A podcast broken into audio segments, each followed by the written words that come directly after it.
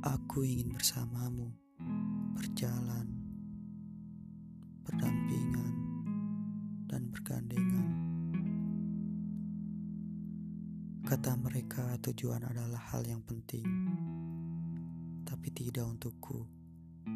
Tidak peduli ada tujuan atau tidak, tidak penting ada arah atau tidak, karena seperti yang aku katakan sebelumnya, aku cuma ingin bersamamu entah kita akan sanggup melewatinya atau tidak. Karena terkadang pelajaran didapat dari perjalanan, bukan hanya dari tujuan. Sudah kuterima semua resikonya.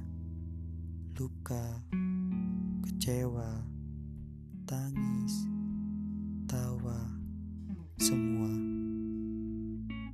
Asal kita bisa sama-sama Aku ingin berjalan ke akhir perjalanan.